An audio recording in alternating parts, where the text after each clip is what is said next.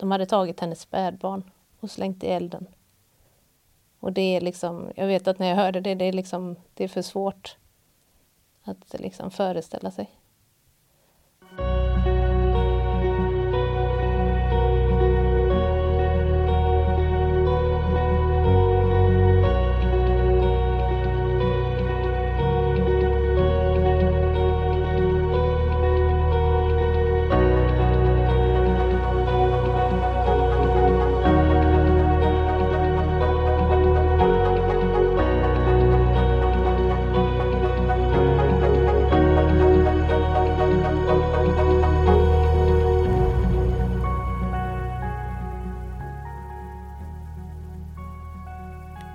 Där säger vi välkomna till avsnitt nummer sju utav Prehospitalpodden. Och det här är ju då en uppföljning på samtalet som vi hade sist med Ida Claesson. Välkommen tillbaka Ida. Tack så mycket. Vi hade ju så jäkla trevligt och du berättade så himla intressanta historier. Ja, det var mycket att berätta. Ja. det. och eh, sist vi pratade så var det dags för dig att åka på ditt uppdrag nummer två. Ja, precis. Och eh, då skulle du till Grekland igen. Japp. Ja, så vi kan väl nästan eh, börja därifrån igen då, att du, när du kommer dit. Ja, jo, jag hamnade ju i, i Domäni då, i norra Grekland. Och det var ju ett eh, flyktingläger som väldigt snabbt blev eh, överbefolkat när gränsen till Makedonien stängde. Eh, jag säger flyktingläger, men det var en eh, åker längs med en järnväg eh, med kupoltält där eh, folk samlades och det blev bara mer och mer och stort behov av medicinska insatser. Så mina uppgifter där var väl ganska liknande det jag hade gjort på Lesbos. Eh, primär sjukvård och eh, akuta fall. Det som skilde stort, som jag uppmärksammade ganska snabbt, var ju att det var mer, mycket, mycket mer eh, turbulent och ännu mer kaotiskt Eh, på grund av att gränsen hade stängt och eh, det var makedonsk gränspolis som kontrollerade gränsen mellan Grekland och Makedonien. Ja, så det som eh, hände i, i Domeni var väl inte någonting som jag egentligen var förberedd på. Eh, och allting hände väldigt snabbt. Eh, de folk som anlände dit var ju... Det fanns, det fanns något, eh, det hände någonting annat där med de, de människor jag mötte. Eh, när jag jobbade på Lesbos så var folk, eh, flyktingarna var på väg. Det fanns mycket hopp, framtidstro, vi ska norrut i Europa.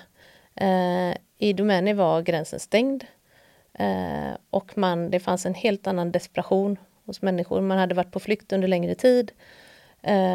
Och det som hände ganska så snabbt efter jag hade kommit dit var ju att det började bli situationer med upplopp från flyktingarna som tryckte på mot eh, gränsen som var stängd. Och det blev eh, några situationer med ganska våldsamma motangrepp från makedonsk gränspolis. Eh, och det var framförallt en dag, det var den 10 april 2016, som jag aldrig kommer glömma. Och då blev vi inkallade, vi var ett stort medicinskt team i Domäni. Vi hade tre öppna kliniker, så det var en helt annan situation än på Lesbos. Vi var ganska gott om medicinsk personal, får man ändå säga. Eh, vi bodde 30 minuter från lägret i en by.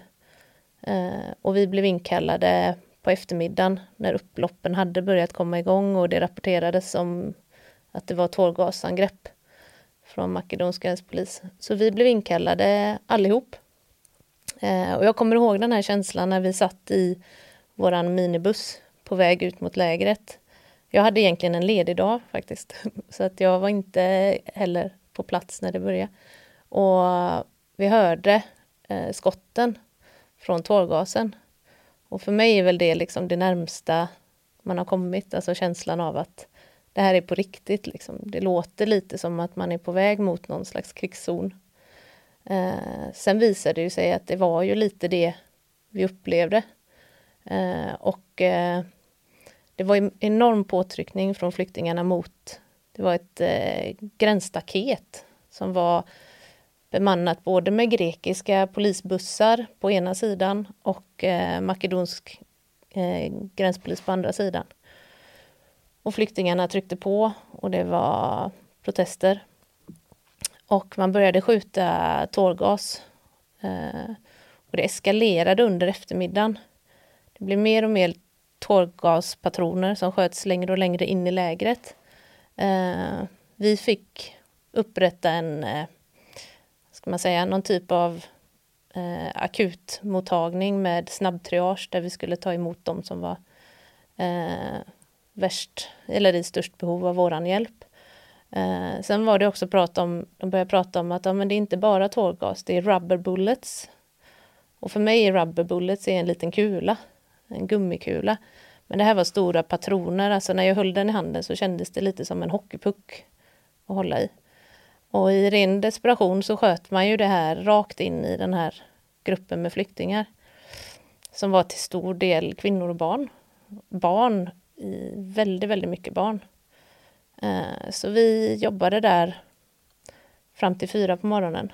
Eh, vi började, det eskalerade någon gång vid tre, fyra på eftermiddagen. Så i ungefär 12 timmar jobbade vi i detta. Och eh, vi tog emot patienter, vi vårdade 300 patienter eh, ungefär den kvällen och natten. De flesta var ju påverkade, andningspåverkade av tårgasen och eh, vissa var medvetslösa. Eh, men de återhämtade sig ganska så snabbt ändå med våran hjälp. Eh, det, det, värsta var att det var ganska mycket skador från de här rubber bullets. Vi hade tre barn med eh, skallskador som vi fick transportera till sjukhus. Och sen så såklart det som blev rent utifrån ens eget perspektiv så var det en extrem situation att jobba i. Det var alltså ett dån som pågick hela tiden. Det var tumult och vi hade svårt att stå emot pressen mot våran klinik. Eh, man jobbade liksom i ett kaos där det pågick saker runt omkring hela tiden. Plus att eh, vi såg ju att den här tårgasen sköts längre och längre. Och eh, sen vid ett tillfälle så landade en patron väldigt nära våran klinik. Och vi arbetade ju utomhus, för vi hade ju ingen plats. Vi hade ju bara containrar här också. Så vi tog hand om patienterna på marken. Men då förstod vi att det här kommer vi inte klara av. Och det är nog... Eh, jag hade tio sekunder där som jag vet är, som jag kommer komma ihåg att det var liksom eh, den närmaste dödsångest jag har kommit. Och det var alltså, dels så blir man ju blind av tårgasen. Det är ju svårt att se för ögonen tåras såklart. Men sen påverkar det ju andningen. Eh, och jag höll på att behandla en liten flicka som var ganska illa däran. Och jag vet att jag fick tag i henne och eh, mina kollegor, vi insåg att vi, vi kan inte, det här går inte. Vi kommer inte kunna arbeta. Eh, så vi eh, skyndade oss in i husbilen och eh, spolade med vatten. Och jag vet att det var, och man hostar ju hysteriskt. Och där var, jag upplevde det som tio sekunder där jag kände att jag kan inte andas. Liksom. Mm. Uh, För ni hade inga andningsskydd då? Nej, nej, ingenting. Det hade vi inte. Och tår, nu vet jag hur tårgas känns och det är inte, det är ingen skön upplevelse. Nej. Och jag kan tänka mig alla de här patienterna ni får in också, de är ju kontaminerade med tårgasen. Gick det ens att arbeta i den här miljön? Det... det var ju inte så mycket vi kunde göra egentligen. Alltså de som var, vi försökte ju så gott vi kunde liksom. Men vi blev ju för, vi ansåg ju, och våra, vi hade ju en medicinsk chef som liksom var erfaren, som hade jobbat i många uppdrag innan. Så beslutet, där på natten togs ju beslutet väldigt snabbt att nu ska vi evakuera. Eh, och det gick inte, det, vi kunde inte heller göra någon nytta i den situationen som var. Så att vi eh, evakuerade där på natten och sen eh, eh hade vi debriefing såklart och man upprättade ännu mer det här mass casualty plans, alltså hur man skulle agera i sådana här situationer. Men eh, vi höll oss ifrån lägret, jag tror det var tre, fyra dagar efter det, som vi inte kunde eh, eller vågade ta oss in. För det var för riskfyllt och det fanns, det fanns ingen chans att jobba i de förhållandena. Men, eh, och det var också en enorm frustration när man inte fick vara på, eller kunde vara på plats, när man visste vad som pågick.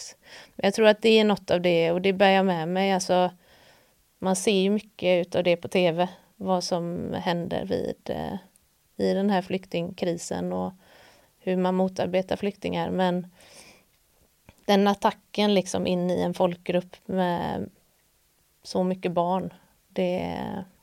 Nej, det, det var en fruktansvärd dag. Det, och det var, jag vet att det var även på svenska nyheter. Eh, en kort snutt tror jag. Mm. ja. ja, det är svårt att sätta sig in i situationen när man inte varit där såklart. Mm.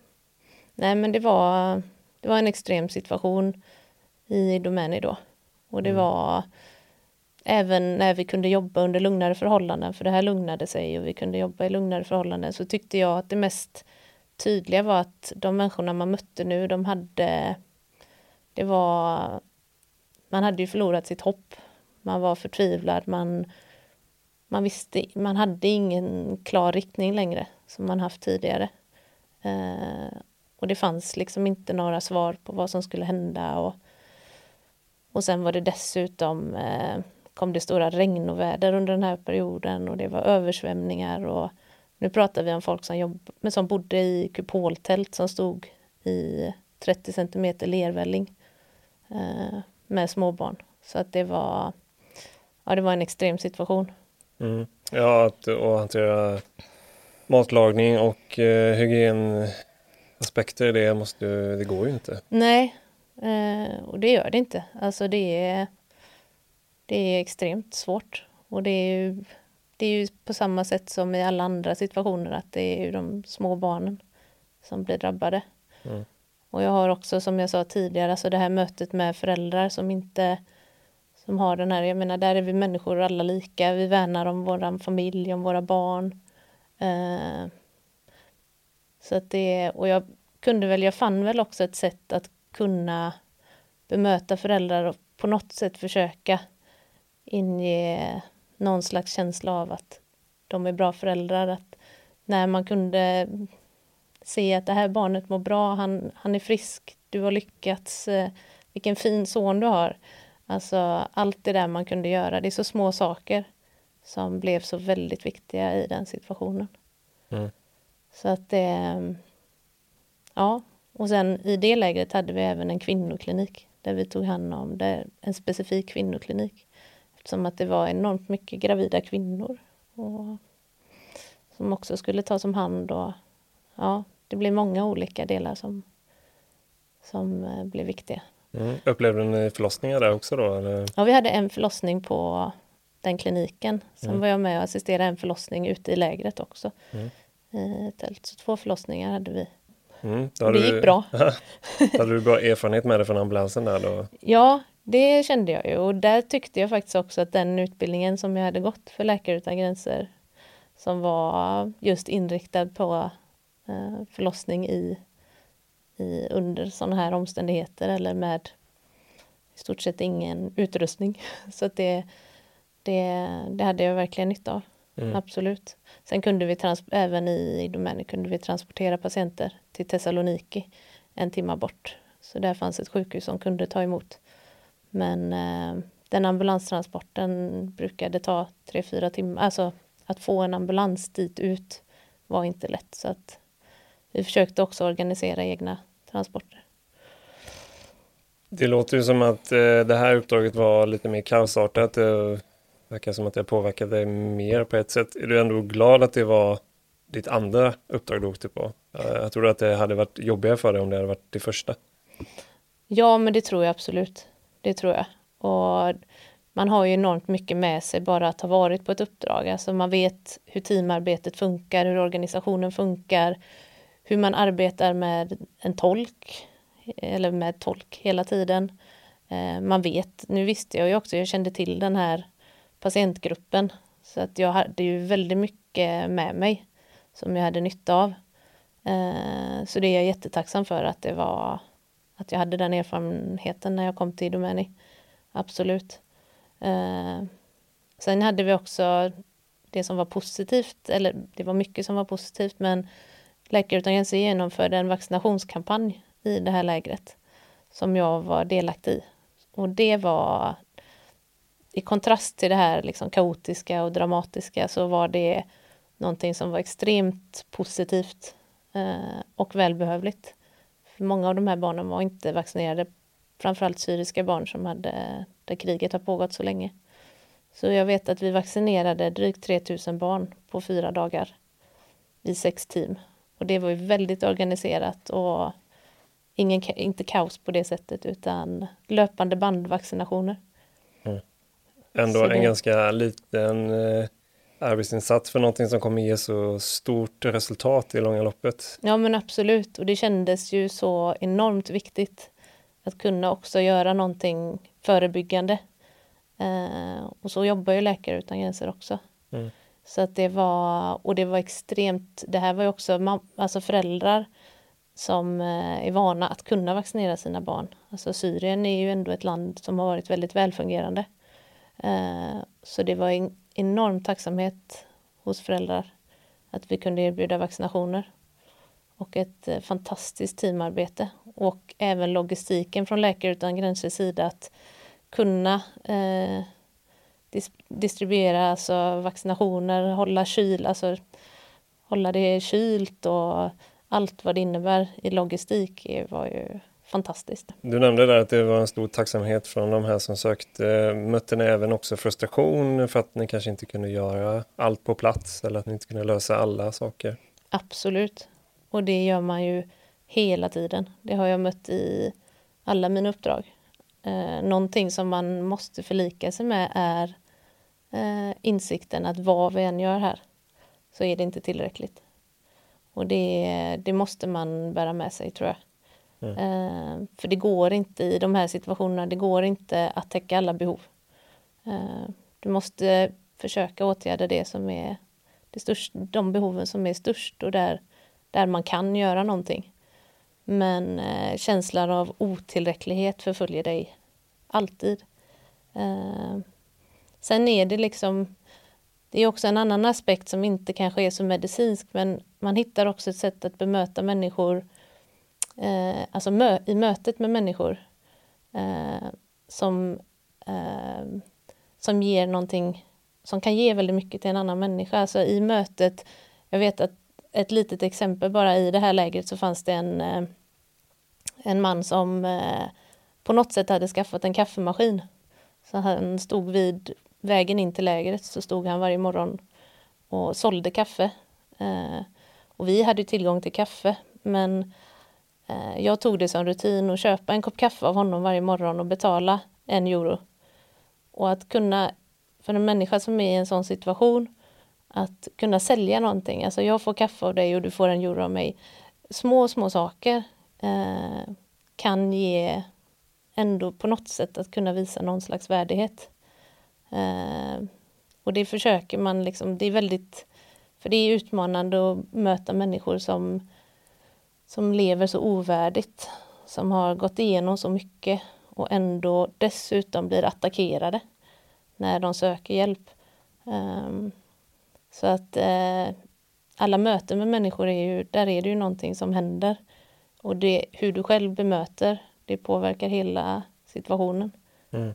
Och det visar också hur stark människan är på ett sätt också, att trots alla de här mothindren och att man ändå då är så pass uppfinningsrik som man faktiskt börjar ställa sig och sälja kaffe då och se en möjlighet i det. Det är fantastiskt. Ja, och det ser man mycket och det är allra helst i det här läget som ändå där folk stannade så länge. Det var, började öppnas frisörsalonger där man hade man en sax så kunde man klippa folk och vi köpte lunch. Det var en falafelmannen som vi kallar han som gjorde den bästa falafeln. han fick hjälp av eh, andra vol frivilliga volontärer att köpa in råvaror. Mm. Så att eh, han kunde göra sin falafel. Så att det, ja, det finns en enorm styrka även i en sån situation. Mm. Det människ alltså, människor är fantastiska. Ja, och hur länge var du på det här andra uppdraget? Eh, till augusti 2016 så det blev fyra må fem månader mm. totalt. Och hur var känslan sen när du kom hem efter det då? Var det samma där som vi pratade om sist att du var eh, hade nästan gått in i väggen eller hur kändes det?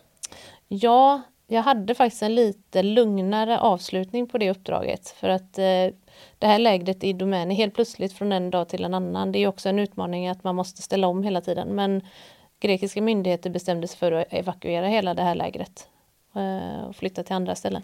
Så att eh, vi hade inte så mycket där att göra. Så jag fick åka tillbaks till Lesbos och bara fokusera på att göra HLR-utbildningar för personalen. Så det var min sista månad i det här uppdraget blev något helt annat och väldigt lugnt.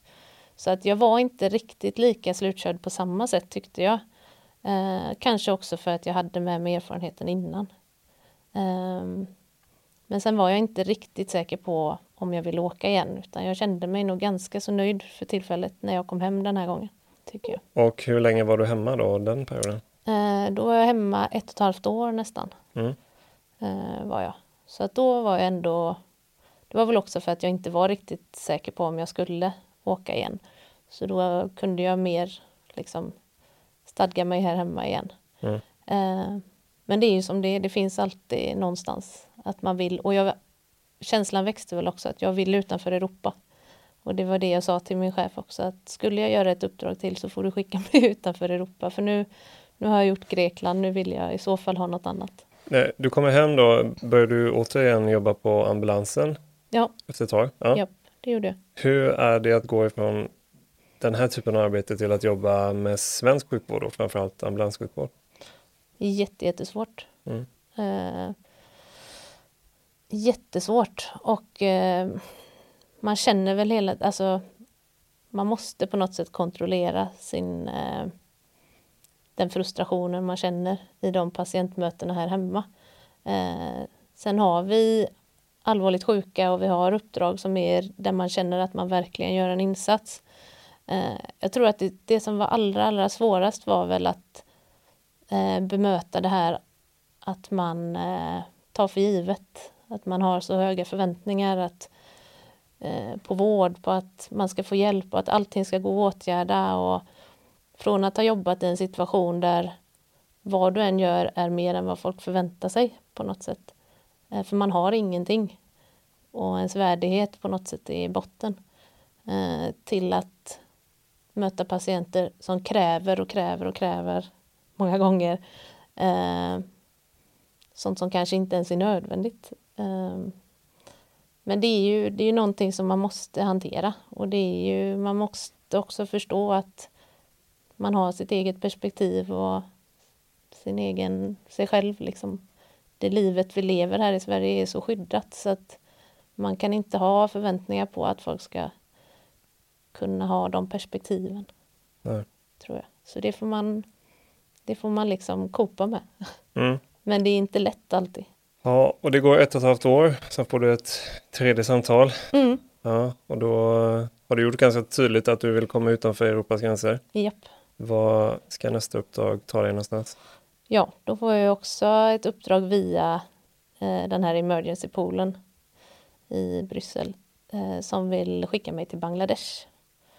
Eh, och den här krisen som pågick där hade jag följt under de sista månaderna och jag hade även påtalat att jag gärna skulle ta ett uppdrag där för att jag, jag var intresserad av situationen som pågick och det var ju då eh, den här folkgruppen rohingyas som eh, flydde från Myanmar, gamla Burma, över gränsen in i Bangladesh.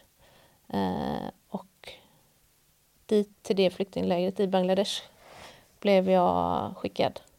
Och eh, det som gjorde att det blev ett emergency, det här flyktinglägret hade funnits under flera månader. Men eh, det blev en akut, ett akutuppdrag just för att man hade precis några, någon vecka innan jag fick det, hade man eh, uppmärksammat ett difteriutbrott. Eh, och eh, det krävdes ju jättesnabba åtgärder. Så det blev mitt uppdrag. För de lyssnarna som inte riktigt vet vad difteri är för något, kan du bara förklara lite kort vad det innebär? Ja, det är ju en väldigt smittsam sjukdom, bakteriell, alltså orsakas av bakterier. Den var, det var en dödlig sjukdom här i Sverige för drygt 100 år sedan. Men vi har ju haft vaccin sedan 40-talet och den, det är en sjukdom som är i stort sett utrotad eh, på grund av god, bra vaccin. Eh, den ser ut som en halsfluss när man ser den. Eh, den har väl kallats för äkta krupp, difteri också för att den har eh, den påverkar övre luftvägarna. Så att den gör att du får en förträngning i luftvägen helt enkelt. Eh, så det är där problemet sitter och den påverkar andningen. Sen är ju också den här bakterien väldigt speciell för den utvecklar toxiner, alltså gifter som eh, eh, kan påverka din njurar och hjärta och nervsystem. Så att eh, utan behandling har den ju dödlig utgång. Eh, så det är, mm, men att diagnostisera den är inte jättelätt och det, det förstod jag ju även av de läkarna jag jobbade med att det kan se ut som en halsfluss och jag, vi tror också att vi kanske behandlade ganska många halsflussar. För det förekommer ju också. Mm. Men eh, det är en sjukdom som är, och den är extremt allvarlig för barn då, med trånga luftvägar. Eh, och man kvävs till döds. Det är så det är. Hur ser behandlingen ut? Eh, antibiotikabehandling är ju det första, isolering såklart. Det var ju det som blev, det här lägret, när jag kom dit var det 600 000 flyktingar i lägret. Eh, en isoleringsklinik var ju det vi behövde. Och det var det som upprättades. Och det handlar ju om att isolera patienterna, att behandla patienten och familjen med antibiotika antibiotikabehandling i två veckor. Um, men sen är det också så att när den här bakterien har hunnit utveckla det här toxinet så för att kunna rädda liv så måste man ge ett antitoxin. Eh, och problemet då var ju att det här har inte framställts för det har inte behövts. Så att tillgången på det här antitoxinet eh, var ju inte, det fanns ju inte tillgång utan det, det kom ju mer och mer under tiden. Men eh, då skulle vi också urskilja vilka patienter som behövde bara antibiotika och vilka som behövde det här antitoxinet. Eh, det fanns ju inga, problemet i den här situationen var att vi hade, det fanns vissa riktlinjer från WHO, men de var väldigt luddiga när det gällde behandlingen. Det var, ingen hade egentligen så mycket erfarenhet att komma med hur man behandlar difteri så att eh, vi fick eh, ja, prova oss fram kan man säga. Eh, och eh, den här behandlingen med antitoxin är också eh, extrem, alltså det är ett potent läkemedel. Och det var väl, vi upptäckte att det är väldigt eh, eh, lätt hänt att man får liksom allergiska reaktioner. Man får problem med andningen på grund av antitoxinet om du ger det för snabbt och så vidare. Så att jag jobbade tillsammans med en eh, jag är väldigt tacksam. Jag hade en fantastisk läkare från Sydafrika, Rosie, som hade jobbat med barn och hon hade jobbat mycket med infektionssjukdomar, hade jobbat i hela Afrika. Och hon och jag eh, tillsammans, vi eh, fick sitta ner och försöka utarbeta protokoll för hur vi ska diagnostisera och hur vi ska behandla. Och sen var det hur man då ger det här läkemedlet i droppform dropphastighet, doserat till olika, för det var ju barn i första hand vi behandlade. Som de eh, störst risk att stryka med. Då. Mm. Så det blir verkligen, man får verkligen börja från scratch här. Man får... Ja.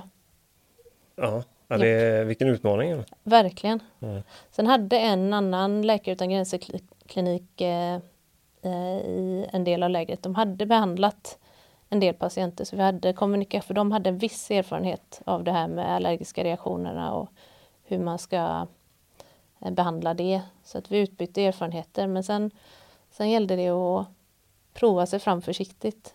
Eh, så det, ja, så under två och en halv månad så jobbade jag i stort sett enbart med det i en isoleringsklinik och bara behandla difteripatienter.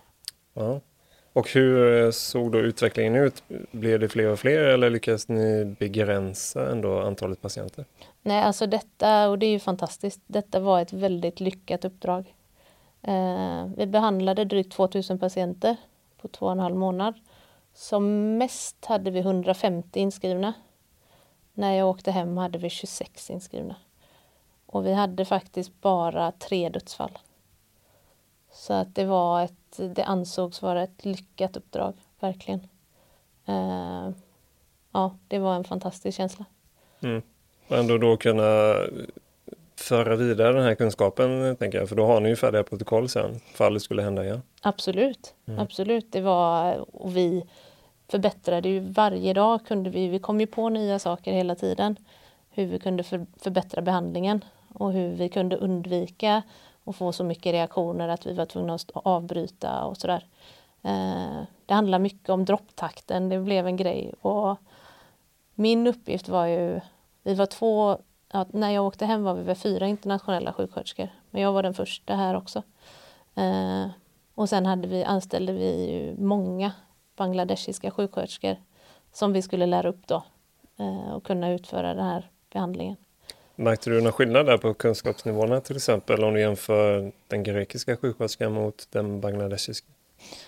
Absolut. Det, och det var ju någonting som eh, blev en utmaning också för mig som skulle handleda de här sjuksköterskorna. Grekiska sjuksköterskor är det jag upplevt, de är väldigt duktiga. De är kompetenta. Jag, jag känner att deras utbildning är ganska likställd med våran ändå.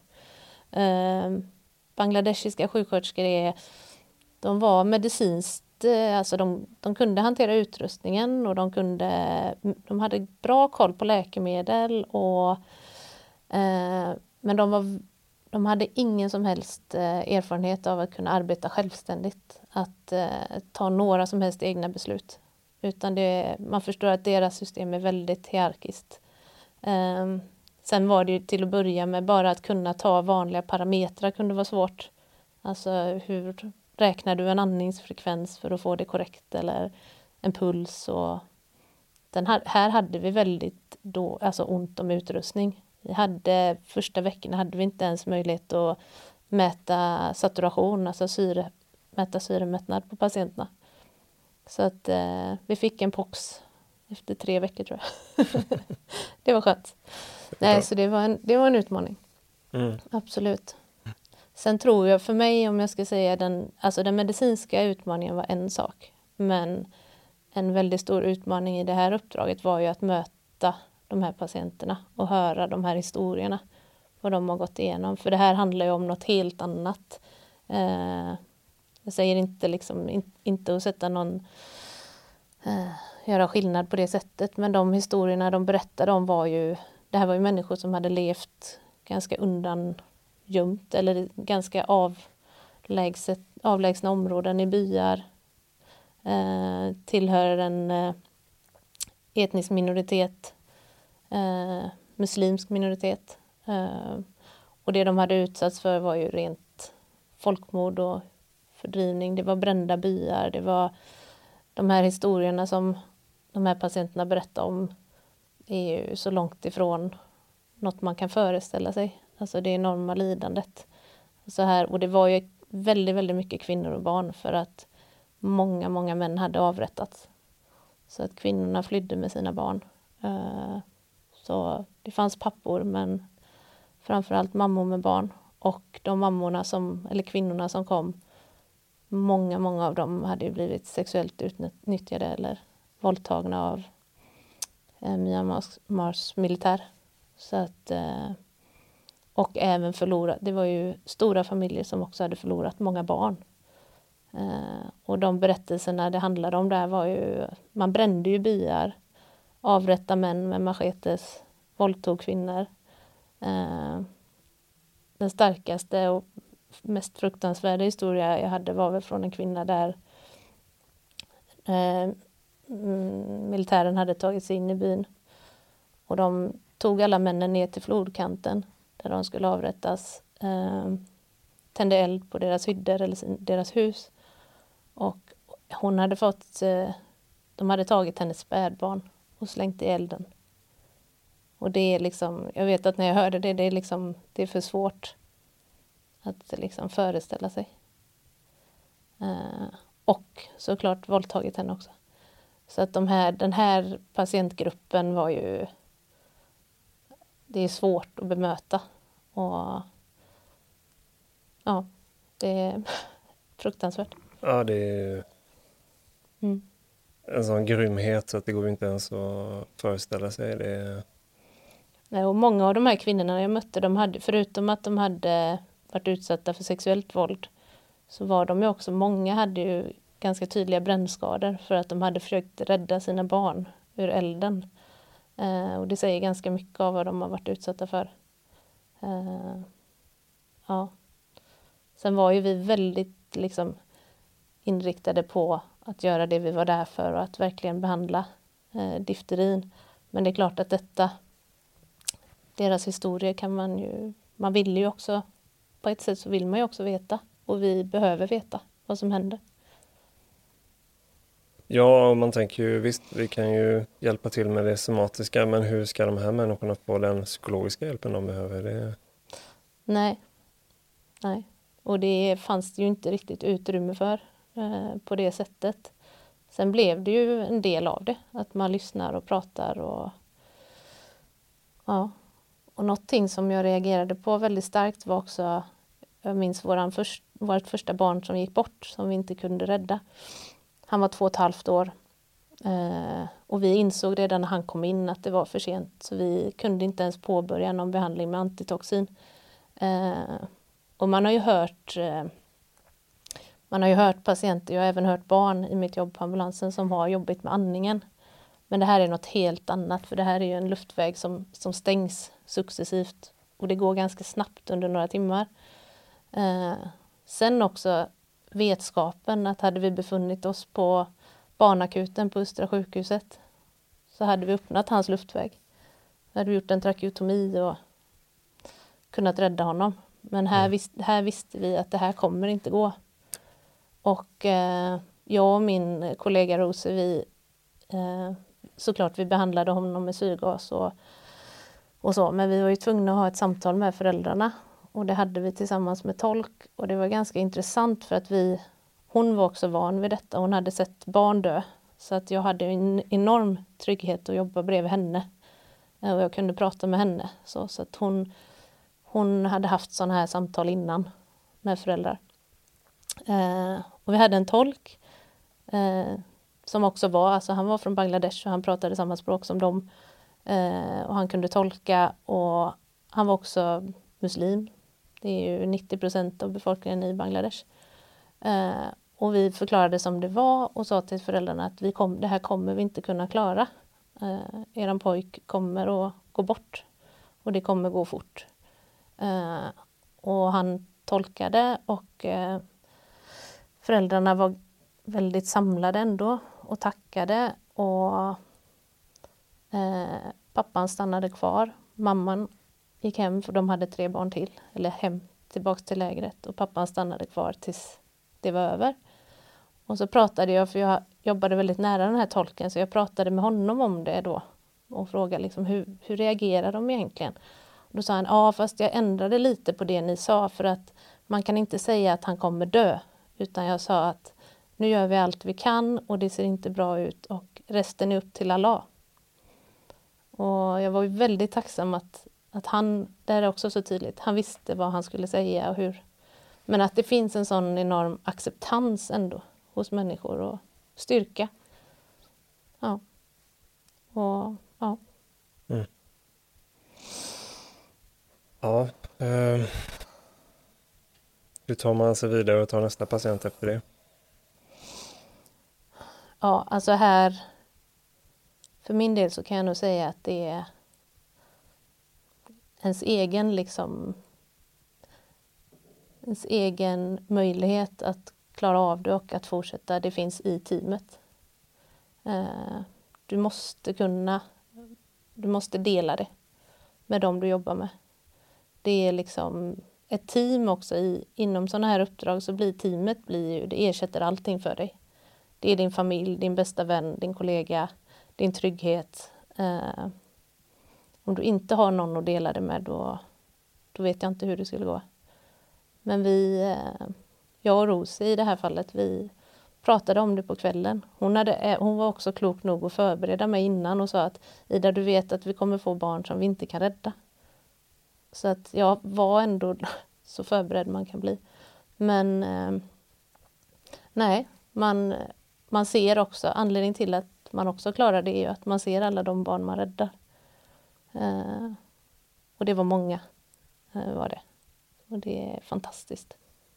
Ja, hur... Eh, är det lika intensivt under den här perioden? Du sa att det var lite mer etablerat läge, men jobbar ni fortfarande dygnet runt? Liksom, eller? Ja, nej, här var det ju inte. Idomeni var ett mer etablerat läge. Det mm. här var ju, eh, vi startade ju upp den här isoleringskliniken och det var vi, det är också att man, man börjar ju ta, det är ju också någonting som är så annorlunda från vad vi är vana vid här. Om vi bestämmer att vi ska starta en klinik så har vi en plan och när allt är klart tar vi emot patienter. Här började vi ta emot patienter så fort vi hade läkemedel att ge. Så att eh, nej, det här var ju ett, det här var ju ett superintensivt arbete. Det här var ju eh, för min egen del så tror jag att jag aldrig någonsin i mitt liv någonsin har liksom pressat mig själv så till det yttersta. Um, och då pratar vi mat, sömn, arbetstimmar. Um, och det är ganska fantastiskt hur, hur man funkar. För när man är under en sån extrem situation där man vet att vi måste bara jobba på eh, och att om vi jobbar på så räddar vi liv Eh, så är kroppen också fantastisk på ett sätt för att man har inte riktigt eh, de här känslorna Alltså sömn och hunger och eh, stressen på det sättet, det, liksom, det domnar lite kan man säga. Eh, man har inte riktigt det behovet heller. Eh, så att man kan, sen så finns det ju gränser för allt. Liksom. Därför är det max två månader. Ja, sen så har jag har ett eh, patientfall också som jag, jag, kände att när jag kom hit idag att det här måste jag berätta om. För det, det är också en sån där det är en patient och ett minne som alltid finns med mig. Det var en liten flicka, hon hette Sunaira. Jag får nämna henne vid namn för att jag fick tillåtelsen av hennes pappa.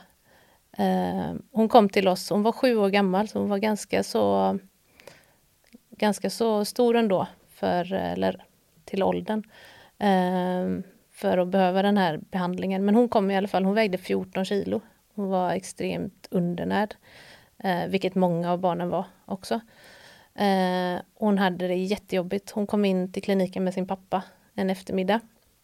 Och eh, hon hade inte så jobbigt med andningen än, men hon hade hög feber, hon, hade, hon var tjock i halsen, hon hade svårt att äta och dricka. Eh, och hon var väldigt slö och apatisk.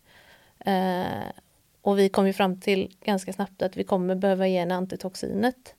Och för att få göra det så måste man ju såklart informera föräldrarna och be om tillåtelse eftersom att det är ett så pass potent läkemedel att ge. Så jag hade det här samtalet med hennes pappa via tolk då eh, och försökte förklara och det var svårt, han, han kunde inte ta till sig riktigt vad jag sa. Och så säger han till mig att jag vet ingenting om sjukvård. Eh, jag litar på dig. Eh, och eh, ja, det är, jag litar på dig att du gör det du ska. Liksom. Och resten är upp till Allah. Det är ju den tron man har. Och vi påbörjade den här behandlingen på eftermiddagen. Att ge det här antitoxinet tog någonstans mellan 9 och 14 timmar i dropp. Eh, och vi hade påbörjat behandlingen innan jag åkte hem eh, för kvällen. Och än så länge kunde vi inte se hur det skulle gå. Eh, hon var ändå illa däran. Och eh, det som var intressant med det antitoxinet var att om det hade god effekt och man lyckades ge en hel dos så hade det, det vände snabbt på de här patienterna tillsammans med antibiotikabehandling. Eh, och när jag kom tillbaks nästa morgon så går jag ju såklart rakt in i det här tältet för att jag vill ju se hur det har gått. Eh, och jag kände liksom lite extra också för det här samtalet med pappan och att hon var i så dåligt skick den här flickan så att jag var osäker på om det skulle funka. Eh, och när jag kommer så sitter hon, hon halvsitter upp i sängen och håller i ett ägg som hon äter på. Eh, och man såg att det hade vänt liksom. Och eh, hon var väldigt speciell den här flickan, vi fick en speciell kontakt. Hon blev inneliggande, hon var kvar länge eh, hos oss. Jag tror drygt, ja en vecka tror jag hon låg inne i alla fall. Eh, för hon behövde också komma upp nutritionsmässigt och sådär. Hon blev starkare och starkare varje dag. Eh, och hon, följde, när hon började gå mer så följde hon gärna efter mig och sådär på kliniken. Eh, vi ritade teckningar tillsammans någon gång och sådär. Och det som var så fantastiskt var att den här pappan var med henne i stort sett hela tiden.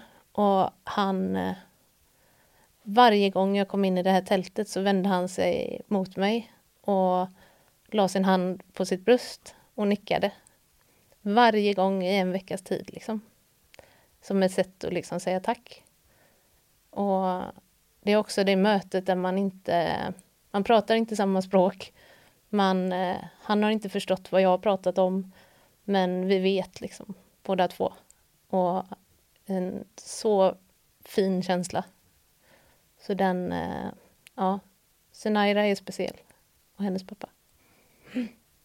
Finns det någon möjlighet att ha kontakt med de här människorna eller man får bara släppa det sen? Man får bara släppa det. Mm. Det är, jag var med när hon blev utskriven. Jag följde dem till grinden på kliniken så att men där är det stopp. Och det är också någonting som man ja, det är så det är liksom.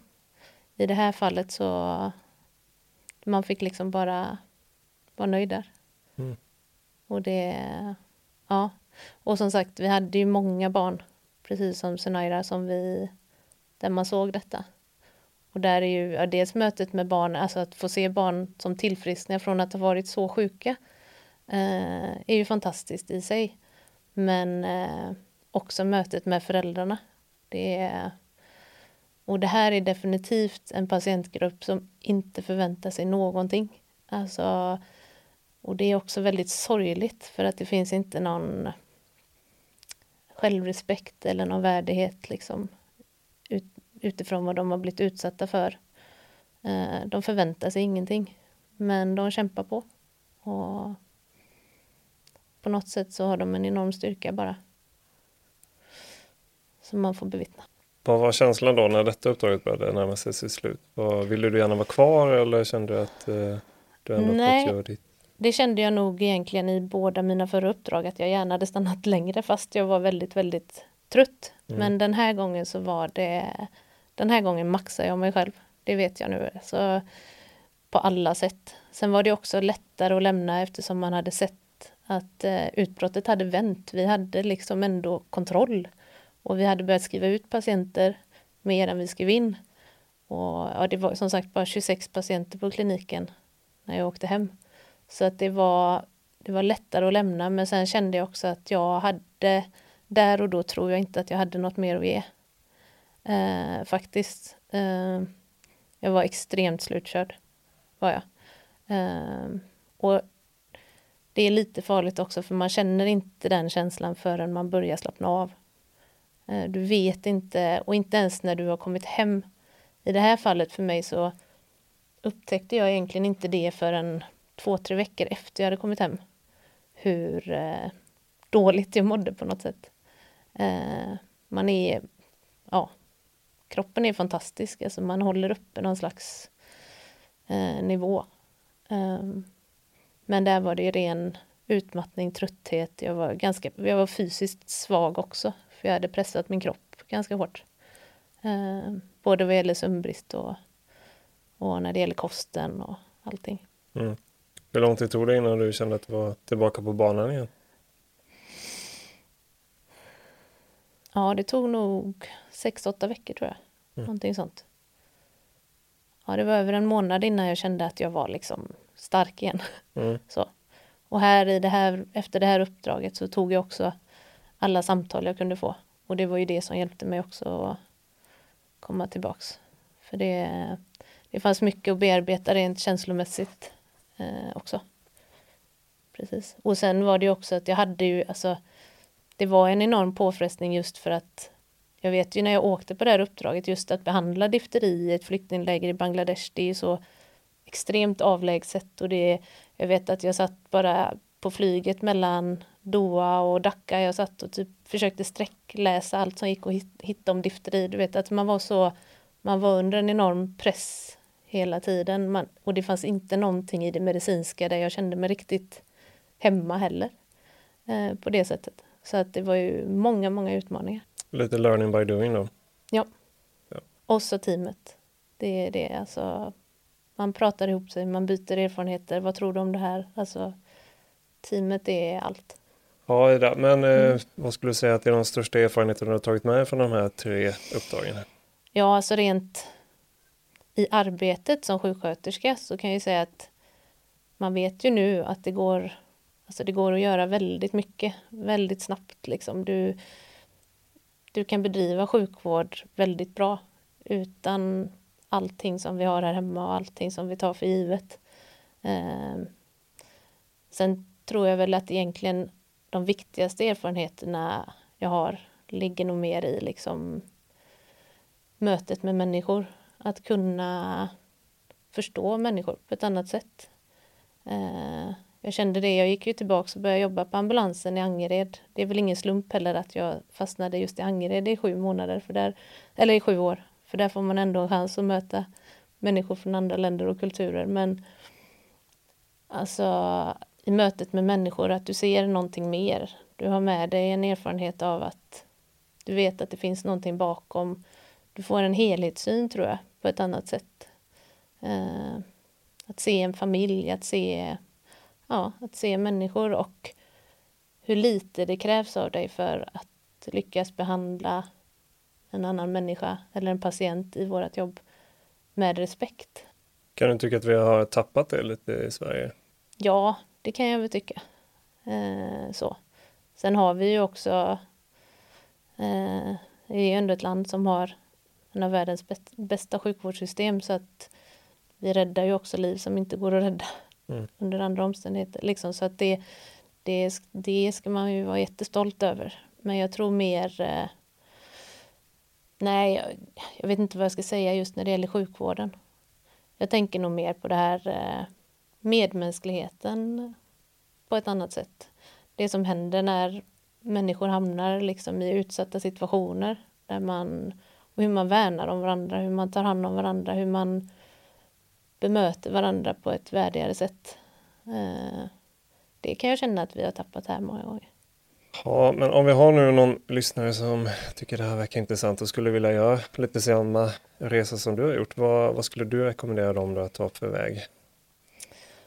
Uh, ja, alltså det är ju jätte, det är jätteviktigt att man har att man ändå har jobbat så pass länge som, nu pratar jag som sjuksköterska för det är ju så jag sökte, men att man ändå känner sig trygg i sin yrkesroll.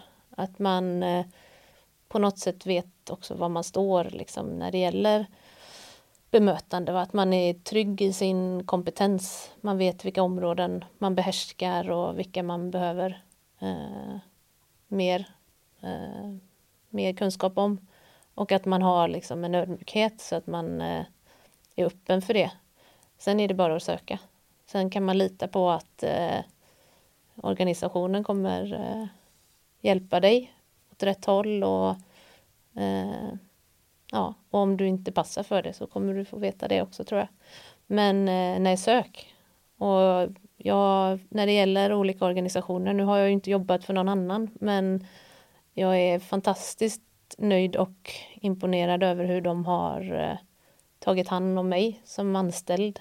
Eller vad man ska säga, alltså både vad gäller i väntan på uppdrag, förberedelse för uppdrag, eh, omhändertagande när du kommer hem. Eh, ja, så att eh, sök och sen får man vara beredd på att eh, man får liksom lägga annat åt sidan. Det är bra om man är inställd på det innan att det, det är en sån fas i livet där man lägger sin prioritering här. Eh, och det är inget man ångrar. Aldrig. Snarare att man vill tillbaka. ja, eh, det var, det var min nästa fråga där. Ja. Har, du, har du någon gång känt att du har ångrat ditt beslut att åka på någon av de här? Aldrig. Nej. Det går inte. Alltså det går inte. Eh, snarare tvärtom. Att jag alltid kommer ha med mig det som att jag är så extremt glad och tacksam att jag tog steget. För jag vet att det, det fanns där hela tiden att jag ville. Men det är lätt att se så mycket anledningar till att det inte går. Och att det är för svårt praktiskt och ekonomiskt och det är för utmanande eller att man inte ska klara det. Man ifrågasätter ju sig själv hela tiden. Men eh, nej, det är, det är ju någonting i mitt liv som jag aldrig kan ångra. Eh, och det gör någonting med dig som människa också. Du har med dig erfarenheter som du inte kan få på något annat sätt. Och hur ser din framtid ut nu då? Är det, Finns ja. det möjligheter för dig att åka mer eller hur ser det ut? Ja, alltså jag tror att man man lägger det aldrig riktigt eh, man kan inte säga nej, jag är klar. Nu ska jag inte åka på något mer uppdrag.